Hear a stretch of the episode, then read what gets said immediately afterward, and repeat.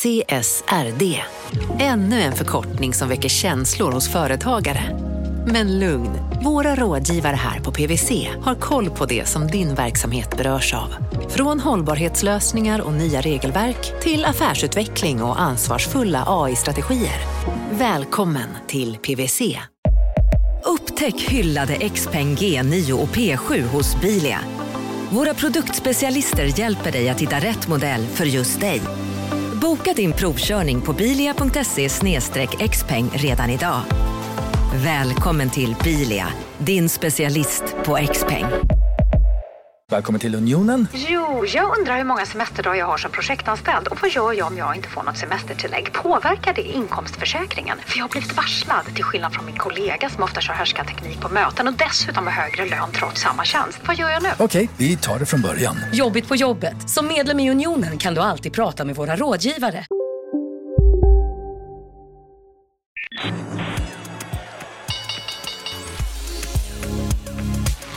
Här är Affärsvärlden Magasin med Helene Rådstein.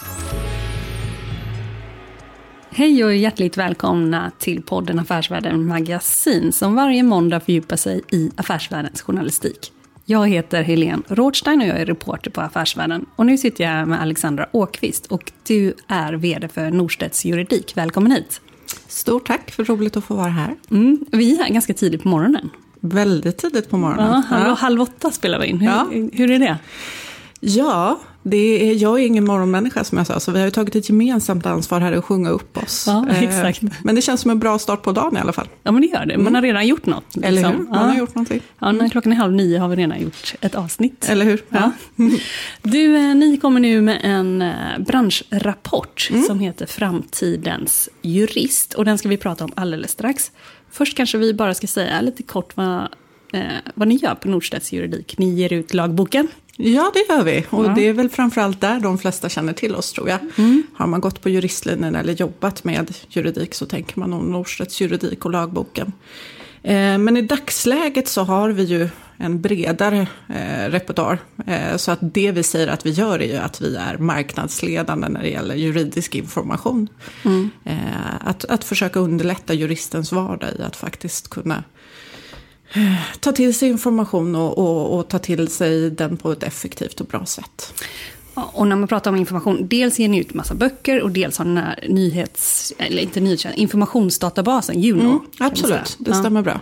Eh, och i Juno försöker vi ju samla allting som ska vara relevant eh, för juristernas eh, arbetssätt egentligen. Mm. Det finns rättsfall och det finns Rättsfall, förarbeten eh, och ju fördjupade kommentarer från experter eh, är en stor del av det. Mm. Ehm, och eh, vad ska man säga, när man, eh, och Nordstedts juridik, är också en del av Carnov Group som är noterade och med huvudkontor i Danmark va? Mm, absolut, stämmer bra. Ja.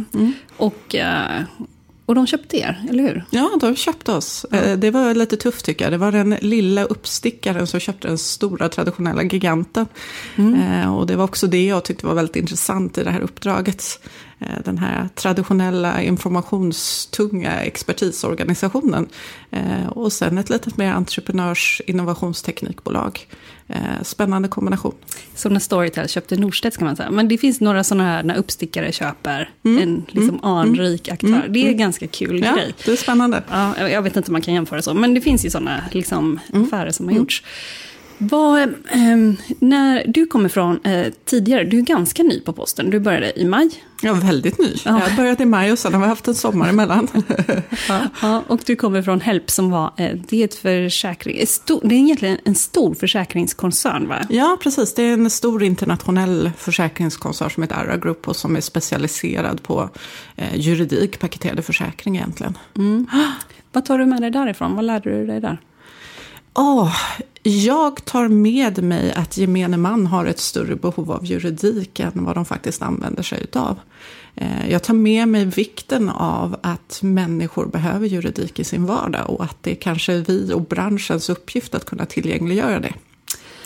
För när man tänker som eh, privatperson, jag kanske rör mig i fel kretsar, men om någon liksom plötsligt börjar använda sig av juridiska tjänster så känns det ju ganska akut. Ja, Som något verkligen har Ja. hänt. ja.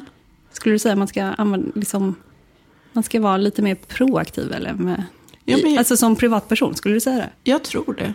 Eh, Jag tror att de allra flesta vänder sig till jurist när det är kris eller när, när problemet är ett faktum. Eh, Och många jurister och advokater jag pratar med tycker att individen kommer för sent. Eh, om vi kan skapa former och om vi kan skapa eh, ytor där vi kan möta människor juridiskt eh, så kommer vi in i ett betydligt snabbare skede och kan göra bättre saker. Eh, och där finns också en hel målgrupp som jag tycker att branschen missar idag. Nu vad det gäller den här framtidens eh, jurist, då är det en undersökning som ni har gjort. Eh, och eh, man kan väl säga att vi på Affärsvärlden, vi gör varje år gör vi en kartläggning utav Sveriges eh, affärsjuridiska bransch. Vi samlar in data från ungefär 60 olika byråer.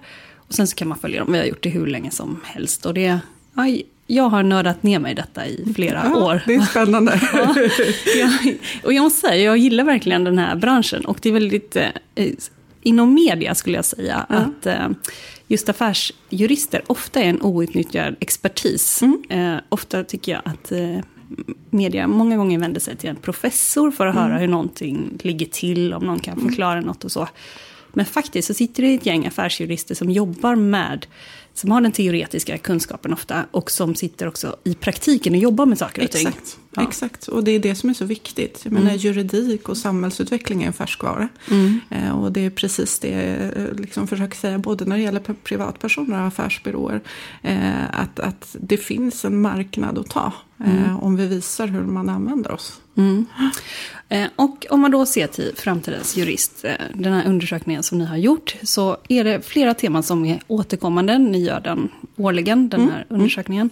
Och eh, en eh, sak som kommer tillbaka här igen, det är ju att eh, unga idag, de värdesätter work balance.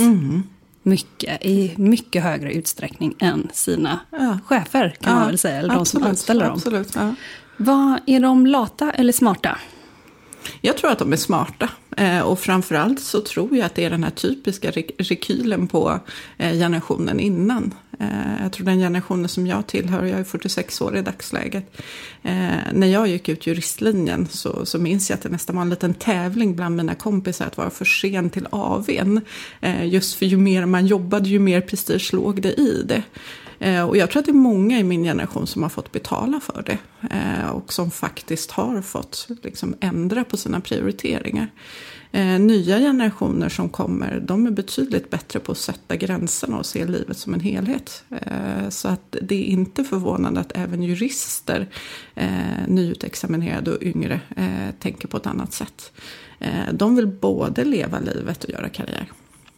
Vad får det för konsekvenser då för eh, om vi tar bolagen och eh, byråerna?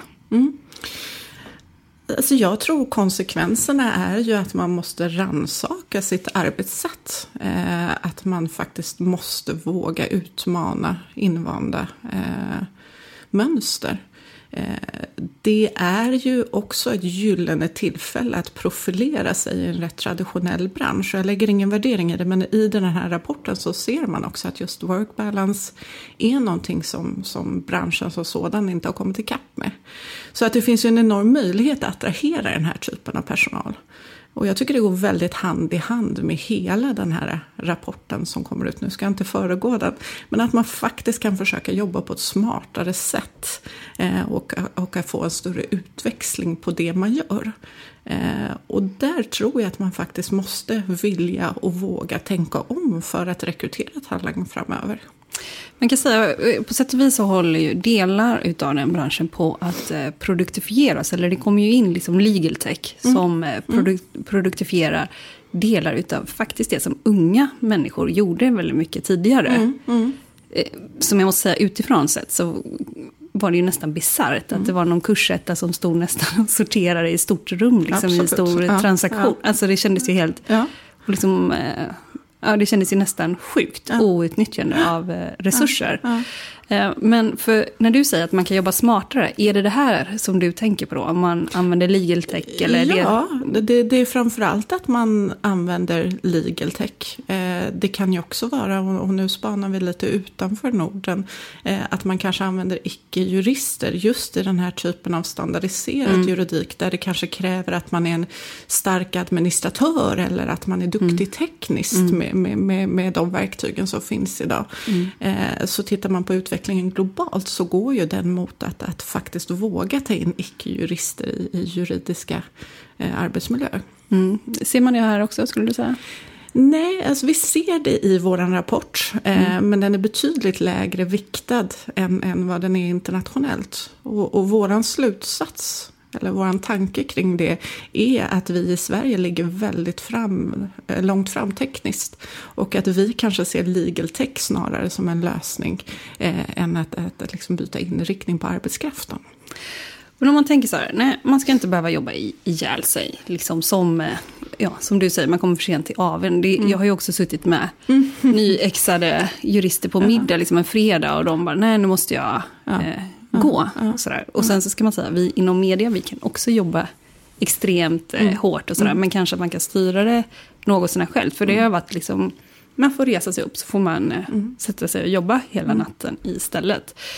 Så, eh, men det som jag tänker på det är ju också att eh, jo, men om man är konsult mot näringslivet, vi ska börsnotera det här bolaget. Jag, liksom, vi har beställt de här tjänsterna.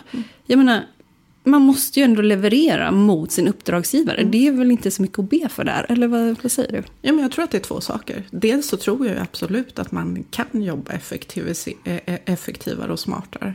Eh, Dels med tillgänglighet till information och använda sig av AI. eh, Där man faktiskt får statistik och liksom selekterad information på ett annat sätt. En stor del av juristens jobb går ju faktiskt ut efter att leta information och dra slutsatser.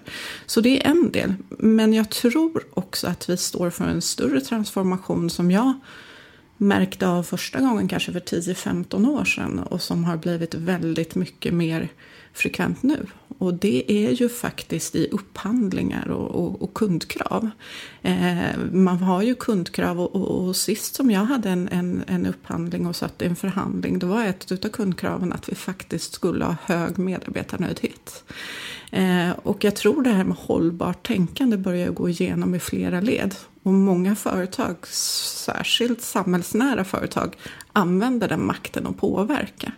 Eh, det kan vara allting från att man ska ha en jämställdhet till diversifiering eh, till en bra personalpolitik.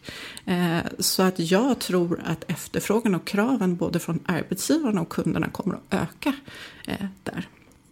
Men kommer att öka, alltså om jag beställer eh, en, eh, jag vill att det här bara ska fixas. Liksom jag, ja, men jag ska liksom laga mitt, eh, mitt avlopp har gått sönder. Ja, ja, jag, jag, liksom, eh, jag vill bara att det här ska fixas. Och om man tänker att juridik kan vara på samma sätt, liksom, det här ska bara lösa sig. F- Faktiskt så bryr jag mig inte när du börjar eller hur du jobbar. Eller, det här ska bara liksom vara klart. Menar du då att från kundens sida skulle jag också säga så här, jag vill att i den här processen så ska det vara liksom, eh, ja, då vill jag att ni ska ha schyssta arbetsvillkor. Ska jag som kund, eller Jag- klient jag, säga. jag, jag tror inte privatkunder gör på Nej. det sättet. Nej, nej, nej. Utan det, det är mer de samhällsnära eh, aktörerna nu. Ja. Eh, och jag kan ju se på oss själva som företag eller andra företag men börja ställa krav på leverantörer. Så att jag tror att det är en kombination av att jobba smartare. Det där med att det måste hända här och nu om man har starka kravställare. Det kommer alltid att finnas. Mm. Eh, och, och, och där får man för, liksom förenkla arbetssätt och, och försöka, Ja, för att hänga med i det. ja, försöka formalisera processer. För skulle man kunna tänka då också att man skulle kunna driva på, liksom från, eh, om man är på en advo, advokatbyrå säger vi, så skulle man kunna säga att eh, hej, vi gör gärna det här uppdraget. Eh, jag vill att ni ska veta att vi jobbar, vi kommer inte jobba ihjäl oss här, utan vi kommer jobba inom rimliga ramar. Så tror jag är svårt att uttrycka sig. Men, men samtidigt om man profilerar sig på det sättet. Att vi är en, en, ett företag eller en advokatbyrå som, som värnar våra anställda. Vi värnar balans i livet. Så tror jag att vi har en kundgrupp som skulle välja den byrån. Eh, så att jag menar att det finns plats för alla egentligen. Där. Och ku- skulle man kunna tänka, det var, eh, kanske för två år sedan så gick det runt något brev i Londons typ så här finansdistrikt eller Mhm, eh, mm. något liknande. Eh, Som var liksom att kan vi alla komma överens Mm. om att vi ska sakta ner. Vi saktar ner alltihopa för att eh, vi behöver inte ha så snabbt näringsliv. Och, eh, och vi kan inte bara säga heller, vi kan inte bara föra vidare liksom våra, vår stress och det som vi ska göra till externa konsulter. nej. Kan man begära det av näringslivet? Alltså beställarna, kan näringslivet själva liksom... eh, Själva bestämma det. Ja. Ja, eh, men det vore ju helt underbart eh, i grunden. Men jag tror faktiskt att vi går mer och mer åt det hållet. Eh, och sen är ju det en, en, en tidsanda så. Eh, men jag tror att de allra flesta är överens om att det här med att, att hushålla med energi och eh, att faktiskt jobba på ett, ett, hållbart sätt. Det är ju någonting som, som vår generation har lärt sig den hårda vägen. Så att jag tror att det kommer bli vanligare och vanligare. Eh, att man ställer de kraven på sina kunder och att de anställda ställer det kravet på eh, sina arbetsgivare. Och advokatbranschen är ju en bransch där man konkurrerar om, om få talanger eh, emellanåt. Och där tror jag att man har en jättestor fördel. Jag tycker det är intressant om man går tillbaka till vår rapport. Eh, att man ser att, att eh, eh, morgondagens jurister eller dagens jurister som är unga, de sätter hållbarhet och work balance betydligt högre än möjligheten att bli delägare. Och det är ju en revolution, eh, skulle jag säga, eh, mot hur man såg på advokatyrket tidigare. För om man ska då förklara folk som inte är inne i den här Ja, branschen ja. så är det ju lite det, den traditionella advokatbyrån. Mm. Det är pyramidformad där det finns ett gäng delar, delägare uppe i toppen. Mm. Och sen så finns det biträdande jurister ungefär. Och sen Ja. är det up or out. Precis, och det är en väldigt liksom, tydlig hierarki och, och med år däremellan. Och man ska göra några hundår för att nå toppen så småningom då förhoppningsvis.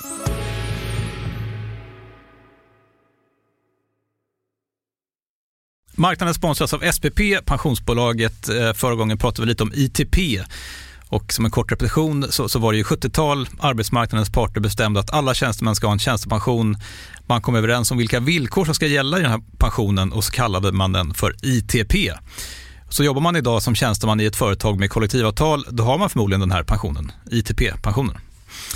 Eh, och det är ju så att man kan påverka eh, den här pensionen, hur den är placerad. Vart femte år så gör nämligen Collectum, som de heter, en enorm upphandling där olika pensionsbolag kan ansöka om att få förvalta eh, de här pensionerna. Och SPP är ett av bolagen som valdes ut i den senaste upphandlingen. Och sen kan du som pensionssparare välja eh, vilket av de här olika pensionsbolagen som, som då ska få ta hand om dina pengar. Och tanken med den här upphandlingen det är ju att liksom kvalitetssäkra de här olika alternativen eh, men också att förhandla fram stora rabatter så att pensionsspararna ska få ja, kunna spara pengar genom att avgifterna eh, som är så viktiga eh, blir eh, lägre. Och vill man välja någonting i ITP-systemet då finns det en relativt ny sajt som heter avtalat.se. Ehm, där kan man gå in och se hur sin ITP-pension är placerad. Jag gjorde det häromdagen faktiskt. Ehm, idén är att hälften av pengarna alltid ligger i något som kallas för traditionell försäkring. Det här gjorde vi ett avsnitt om i podden Kapitalet nyligen eh, som vi kallade världens bästa sparform. kan man lyssna på om man är intresserad. Eh, Den andra halvan eh, den kan man också lägga i en traditionell försäkring eller så kan man placera det i något som kallas för fondförsäkring. Eh, SPP som sagt eh, var ju ett av de fåtal bolagen som valdes ut i den senaste upphandlingen och de finns med som alternativ både med en traditionell försäkring och med eh, fonder. Så det var en liten bakgrund till ITP-systemet. Vill man läsa mer om det här eller typ kolla hur ITP-pensionen är placerad, eh, kanske göra förändringar, då går man in på avtalat.se. Eh, men tack säger jag till SPP som vill göra oss människor mer medvetna om hur enormt viktig pensionen är för oss som en framtida lön, men också som en positiv kraft i samhället eh, och förstås för att ni möjliggör eh, den här podden Marknaden. Du lyssnar på Affärsvärlden Magasin med Helene Rådstein. Vad, eh, vad tror du, eh, liksom detta att inte just delägare är så eftersträvansvärt eh, eller lika eftersträvansvärt längre, vad tror du det spelar för roll? Det är ju drivkrafterna. Eh, Jag tror drivkrafter och värderingar har blivit betydligt viktigare. Eh, Det ser man ju också eh, om vi återgår till rapporten att det som är absolut högst prioriterat det är dels work balance men också att man har intressanta arbetsuppgifter. Mm. Det mm. sätter man betydligt högre i dagsläget. Mm. mm. Så att man kanske har tagit av sig den här prestigekostymen lite i större utsträckning och, och, och faktiskt ser på sig själv och vad man vill göra. Mm. Sitt värde. Om man ska... Sitt värde. Ja. Och också att man, att man faktiskt gör det man vill göra. Mm. Och kanske inte förväntas göra. Mm. Mm. Och om man också ser så har det ju varit eh, delägarstrukturer. Det har ju varit sådär att eh, det har ju varit män som är delägare. Mm. Och sen så har det varit mm. både män och kvinnor som är mm. biträdande jurister. Nu är det allt fler kvinnor som går ut från universiteten. De har bättre betyg mm. vanligtvis än vad killarna har. Och, sådär. och sen så blir de inte delägare. Och, och sådär. Ser du någon förändring här liksom, över tid vad det gäller kvinnor i toppen? Alltså generellt så ser vi i den här rapporten att, att de allra flesta jurister eh, kanske ser en förbättring men är inte nöjda. Eh, det är fortsatt så att man upplever att, att delägare och hierarkin framförallt är uppbyggd för män och har en övervägande del män trots, precis som du säger, att det är fler kvinnor som examineras från juristlinjen. Eh, så där finns en diskrepans fortfarande eh, från vad de yngre kvinnorna och juristerna önskar sig och, och, på något sätt kräver mot hur det ser ut eh, faktiskt. Så att där tror jag att man har en, en, en bit att vandra eh, för att komma ikapp förväntningarna. Och om man ska konkretisera det, liksom, ja. om man tar eh, män som är delägare. När jag har pratat med ja, men en, kvinnlig, en kvinna som är delägare som, ja, men som slutar på en advokatbyrå så var det liksom också att Jo, men när vi skulle ut och ha så här ledningsgrupp och sådär mm. så skulle alla in och basta. Och liksom inget så här liksom fishy med det. Men nej. det är inte trevligt nej, liksom, nej. att sitta där med så här tio killar och en tjej. Det är liksom inte kul, det är inte härligt. Och eh, lite sådana där. Har du några sådana exempel ja. som du har hört? Ja, och, och jag har samma erfarenheter själv. Eh, jobbade i finansbranschen och var enda, enda tjejen under en period. Eh, och, och, jag är inte generellt en sån här som tänker man och kvinnor eh, mm. liksom i så stor utsträckning. Men eh, det blir en, en gruppering och det blir en, en, en typ av kultur eh, där det är svårt som kvinna att ta sig in faktiskt. Och det kan vara allting från hur man bedriver företagsfester med bastuer till hur man pratar med varandra. Eh, och också ofta att man får företräda kvinnor eh, i gruppen eh, på något sätt, mm. du som kvinna och, mm. och sådär. Eh, och det ter sig omodernt. I dagsläget mm. så är de allra flesta överens om att en diversifiering liksom gynnar en arbetsplats. Och där är det en del. Men för jag hörde också, det var en som berättade någon gång så här, ja men det handlar också om man ska ut och äta lunch. Att jag som så manlig delägare ska gå till, bara till en 24-årig tjej, bara hej, ska vi gå ut och äta lunch? Det mm. känns inte heller helt så naturligt nej. som det gör nej, kanske då nej, med en man. Alltså att eh, om man ska dra folk uppåt, att det ska vara. Men en sak som jag har noterat, jag har följt den här branschen länge, det är också att Eh, jag tyckte för kanske tio år sedan så sa, jag vet också vilka det är, så jag kanske ska ringa tillbaka till dem. Ja, gör det. Ja, för de sa så här, när jag frågade om detta, för då var det eh, långt färre eh, kvinnor som mm. var mm. delägare. Och vi hade inte, tror jag, någon kvinnlig managing partner, alltså som är chef då på, på motsvarande vd. Nej. Det kanske fanns någon, men det var ovanligt. Men, och det finns ju nu mm. faktiskt på flera mm, byråer. Absolut. Men då så tyckte jag många sa så här, ja men återkom till mig om fem år. Mm. Eh, då har det blivit bättre, för mm. att. Och då föll de tillbaka på matematik som var så här, för att nu har vi så många kvinnor i organisationen mm. så att mm. det här kommer lösa sig. Eh, och de som har sagt det på de byråerna, det har inte riktigt löst sig. De som tänkte Nej. falla tillbaka på matematik. Men däremot så ser jag vissa byråer som sa att vi kommer jobba med detta strukturerat. Och, och utav större byråer så ser man ju, det är en ganska stor skillnad nu. Mm. Jämför, alltså mot varandra jämfört ja. med vad det var tidigare. Där till exempel Cederqvist eh, har många fler mm. kvinnor som mm. är delägare och sådär. Men generellt så tror jag att man måste ta ansvar för förändring. Eh, så är det. Och, och, särskilt förändring som är djupt rotad. Eh, då tror jag att man måste göra ett val och ta, och ta ansvar för att faktiskt göra någonting åt det. Mm. Eh, och om vi då blickar utanför de här affärsjuridiska byråerna så är det ju också så att hela samhället har juridifierats. Mm. Och eh, också inom eh, man kan ju säga att hela näringslivet också har slukat fler jurister samtidigt som offentlig sektor börjar anställa fler mm. jurister. Mm. helt enkelt. Så mm. att det är mm. många som det är ju en väldigt efterfrågad, Så är det. liksom, vad säger man bransch? Det är en väldigt efterfrågad, eh, Efterfrågad arbets- ja, det är en väldigt efterfrågad liksom, arbetsgrupp Ja. Mm, kan man säga. Eh, vad, vad skulle du säga att det får för konsekvenser? Att eh, konkurrensen om de här talangerna eller ja, juristerna, nybakade juristerna har ökat? Vad skulle du säga? Nej, men jag tror att man måste ta ansvar för att möta de här individerna. Och det är lite det vi vill peka på i vår rapport. Eh, att det faktiskt är en enorm generationsklyfta. Eh, och att man måste anpassa sig till den verkligheten som är. Jag tror att det stod i rapporten att, att man tror att en juriststudent kommer ut med lagboken under armen och liksom är argumentativ och, och liksom, eh, väldigt intellektuell. Men man säger att dagslägets jurister som kommer ut från juriststilen, de är tekniska, de är innovativa, de vill förändra. Det är en helt annan typ av drivkraft och den tror jag att man måste ta tillvara. För tidigare har jag också sett så här att jag har också sett mätningar med nybakade jurister vad som har varit viktigast. Och då har det varit pengar tidigare. Exakt, Ja. exakt. Är, är det inte det längre? Nej, eh, dels visar den här rapporten det. Sen har jag suttit i intervjuer med enormt mycket unga jurister. Eh, och blivit förvånad. Det är liksom en, en förutfattad mening som har kommit på skam. Hur mycket de drivs av att faktiskt hjälpa till. Hur mycket de drivs att faktiskt lösa problem. Eh, och, och där tror jag att det såg annorlunda ut för några år sedan.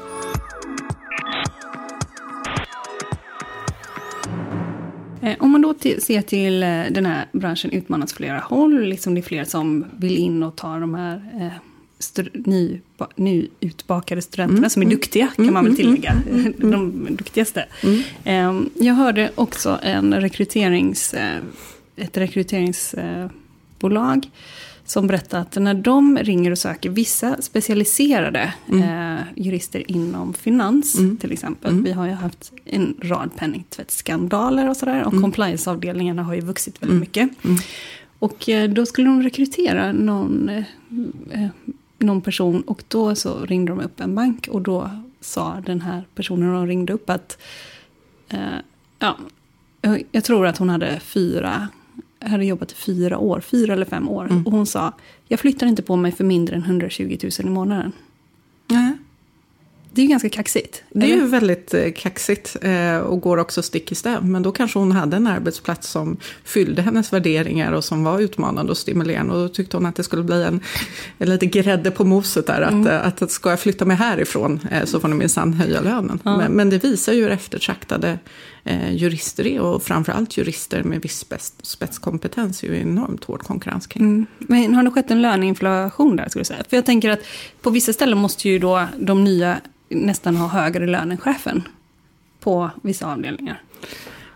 Ja, eh, möjligtvis. Eh, det, det är nog en väldigt stor skillnad jurister emellan, eh, upplever jag. Att det finns rätt smal kompetens som man betalar mycket för.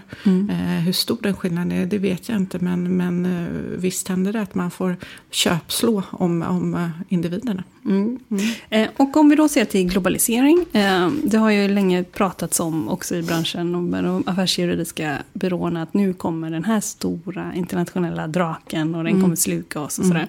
Men vilken roll spelar globalisering för branschen skulle du säga? Ja, det är ju en av de rollerna som man identifierar eh, som en, en framgångsfaktor att kunna ta till sig globaliseringen framöver. Eh, men den är inte absolut högst. Eh, jag tror att den till stora delar är här är. Eh, vi lever i en globaliserad värld och jag tror att de allra flesta advokatbyråerna har börjat anpassa sig till det. Eh, men det är en faktor eh, hur man ska kunna förhålla sig till det globala. Allting från komplexiteten i, i, liksom lagen och hur den utvecklas. Och att man också har kontakter och, och eh, samarbetspartners i andra delar av världen. Mm. Eh, Jag tycker ju, eller det är väl ett faktum att hela coronakrisen, alltså att vi får en kris under en era då vi är globaliserade. Mm. Det är ju liksom, eh, ja, det, det har ju blottlagts ganska mycket hur beroende vi är utav olika, att, att Absolut. globaliseringen är här är ju också liksom Ja. ganska eh, klart. Men eh, för jag ser, här, eller i rapporter så anger 40% av juristerna i den offentliga sektorn, de anger globalisering som en faktor som kommer påverka utvecklingen jämfört Mm. med bara 25% av de tillfrågade juristerna på advokatbyråer. Vad, vad, kan man säga något? Vad tror du?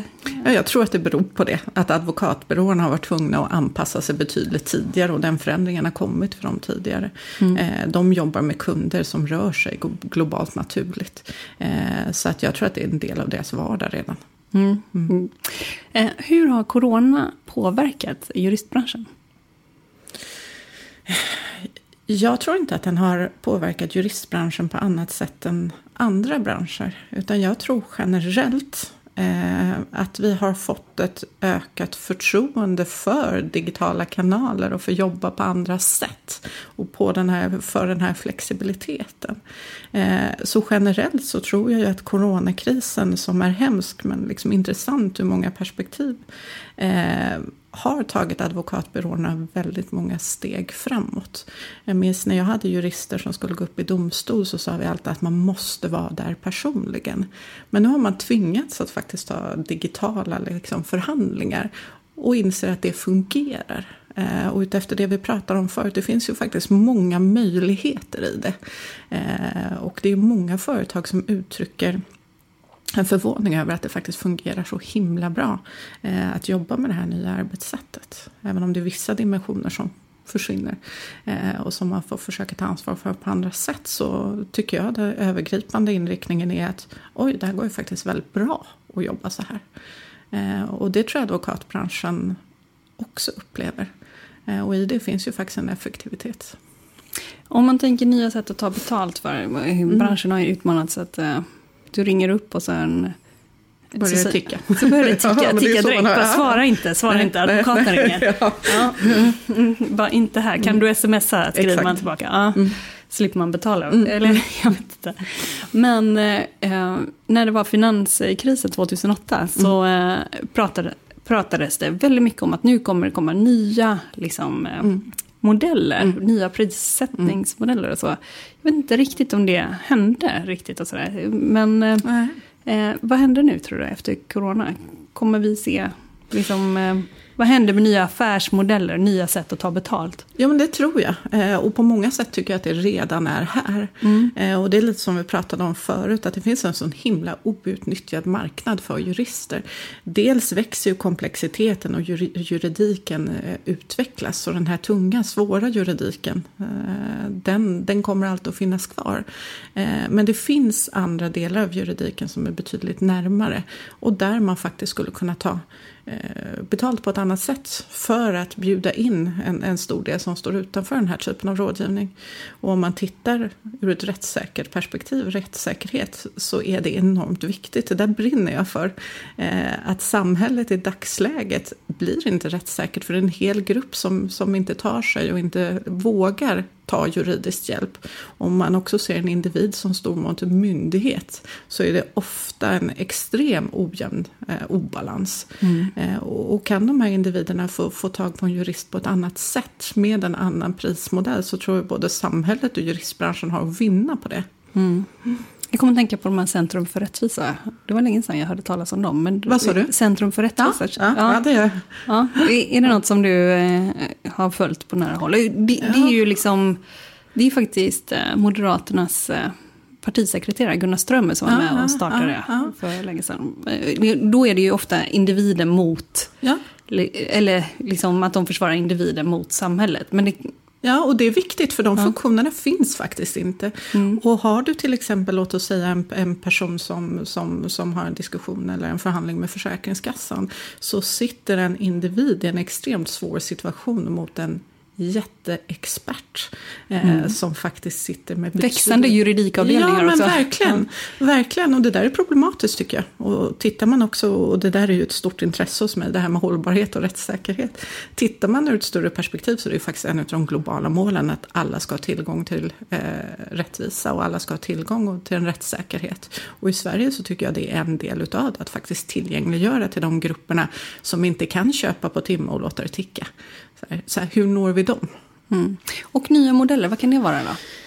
Det kan ju vara olika typer av abonnemangslösningar. Det kan vara verktyg där man själv kan fylla i juridik i, i, i stora eh, delar. Och där har vi börjat fått en del juridiska verktyg som går mot konsumenter. Man, avtal 24 och så. Ja, men till exempel avtal 24 och, och många fler. Eh, man ser ju också att vissa traditionella byråer, jag tänker familjens jurist, de har gjort precis det här att de har olika erbjudanden till olika kundgrupper.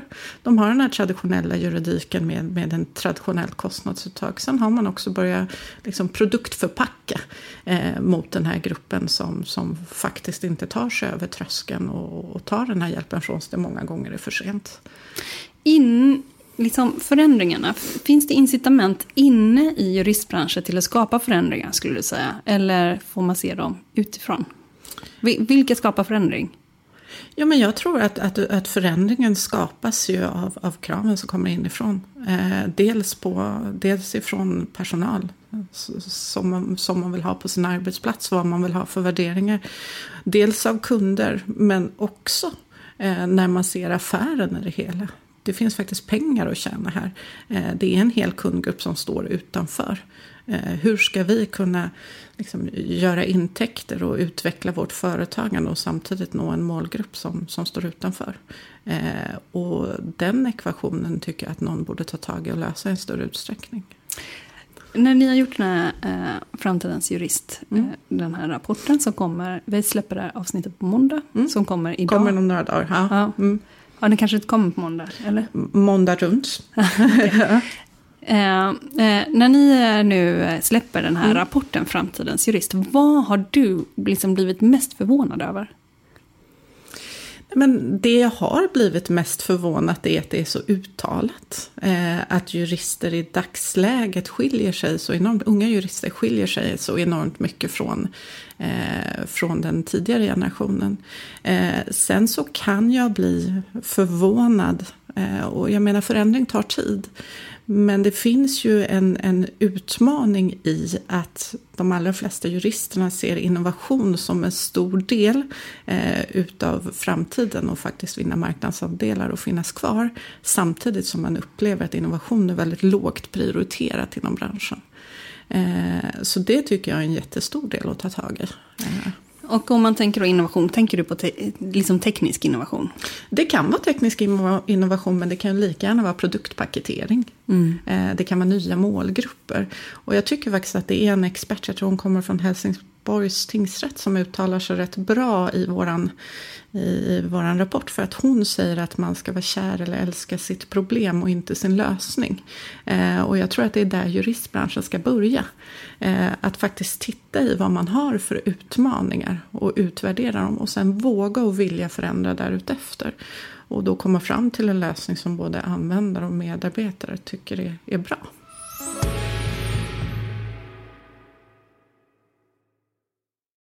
Eh, marknaden sponsras av Karla. Eh, vi pratar ju en hel del om bilar här på kontoret. Eh, Karla har ju skapat, skulle jag säga, det som är standarden för hur man idag köper och säljer bilar på nätet. Kort bakgrund bara. Karla säljer och leasar begagnade elbilar och laddhybrider på karla.se. Alltså en helt digital upplevelse.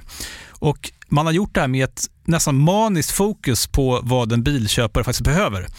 Jag gjorde ju en intervju med en av grundarna, Patrik Illerstig, i marknaden här eh, ganska nyligen, eh, daterad 25 mars, om man vill lyssna på den.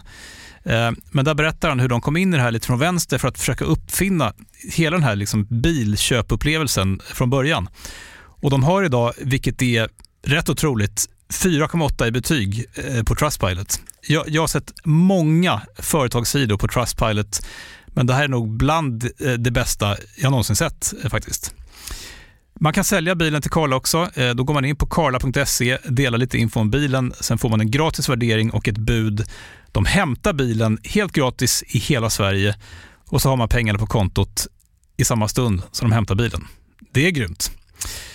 Eh, så ska du köpa en ny bil eller sälja din gamla, eller båda delar för den delen, gå in på karla.se och eh, kolla. Alltså karla.se och Karla stavas med C.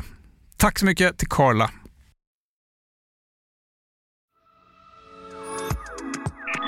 Du lyssnar på Affärsvärlden Magasin med Helene Rådstein. Vad tänker du om eh, de som sa till mig bara ring tillbaka om fem år, då har vi ett helt annat så här, jämställdhets... Jag tycker att du ska ringa tillbaka. ska jag ringa nu? Ja, och be om en graf i utveckling. Ja, det hade varit lite intressant. Ja. Nej, men, men jag tycker ju, jag tycker ju att, att man måste ta ansvar för den här typen av utveckling. Eh, och generellt så är det väl så att en arbetsplats ska, ska spegla samhället. Eh, ska spegla de kunderna man har i mångt och mycket. Mm. Så brukar jag tänka i alla fall när man rekryterar. Eh, en annan sak som jag har tänkt på, det är faktiskt också sådär om man tar kvinnor och så. Jag tror också det finns en hel del män som är på delägare på många byråer som är ganska så här frustrerade. Bara, varför? Vi, jag tycker att vi uppskattar, eller, eller vi, jag tycker att vi uppmanar flera kvinnor mm. till att stanna kvar. Och mm. Vi har liksom satsat på den här personen men de väljer ändå att mm. dra. Liksom. Mm. Och sen så pratar man med vänner som jag känner som säger att jo men jag vill inte stå på en after work och prata med olika klienter om liksom, min advokatbyrå. Jag vill ju hem till mina barn. Liksom. Jag vill ju mm. hem till min familj och jag vill ju mm. ha liksom, mitt liv. Känns, det känns nästan som att liksom, de, den yngre generationen har eh, kommit till den nästan insikten, eller den eh, ja, men insikten kan jag väl stå för att jag mm. kan säga. Liksom att mm. Eh, det finns något annat som är viktigare mm. än den här byrån. Det känns som att de unga har kommit ikapp det både män och kvinnor skulle ja, jag säga. Ja, jag det menar det. det som ja. gör. Eh, men sen tror jag också det är intressant hur man lyfter de här kvinnorna. Eh, jag minns på ett företag jag satt i ledningsgruppen, var ensam kvinna där och då hade man fått i, i eh, medarbetarutvärderingen att, att man tyckte att vi hade problem med jämställdhet. Man tyckte att kvinnor inte satt i ledande position på samma sätt. Och för det första så är det väldigt typiskt att jag får driva den frågan och lyfta upp den. Det, det är på något sätt min skyldighet i den här gruppen Eh, Eh, tycker alla andra. Ingen annan gjorde det, jag drog upp det. Eh, och lösningen på det var att man skulle uppmuntra och se tjejer eh, i organisationen. Att vi skulle visa att vi såg dem och vi skulle visa att vi uppmuntrade dem. Men därifrån till att verkligen utnämna dem till chefer, det är rätt långt. Eh, och där tror jag att det finns en, en diskrepans. Att som tjej så ska man vara tacksam, man ska visa framfötterna, man ska bli glad över att vara sedd. Eh, men man kanske inte får de här möjligheterna på samma sätt när det kommer till kritan. Mm. Eh, så. Eller tar sig dem? Eller? Nej? Ja, eller tar sig dem. Eh, men jag tror ju att det är många killar som faktiskt bara åker med också. Mm. så. Har man sett? Jo, men det tror jag. Ja. att, att, precis som du säger, att man kanske har en närmare och naturligare relation. och, och, det är ju väldigt enkelt att, att.